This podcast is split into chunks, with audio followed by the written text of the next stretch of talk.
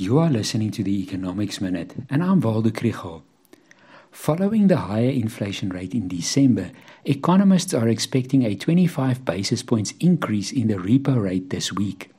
And on cue, the SACP is calling for an expansion of the Reserve Bank's mandate to include job creation.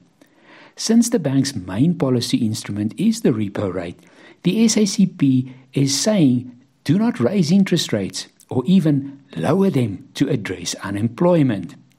But I don't think that high interest rates have been constraining the economy or job creation.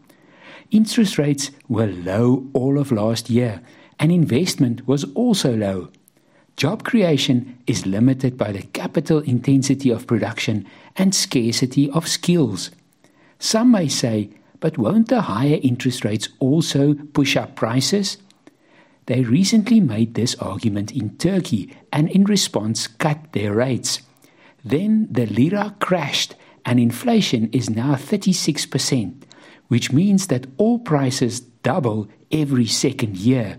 We don't want that. It's best not to mess with the independence of the Reserve Bank.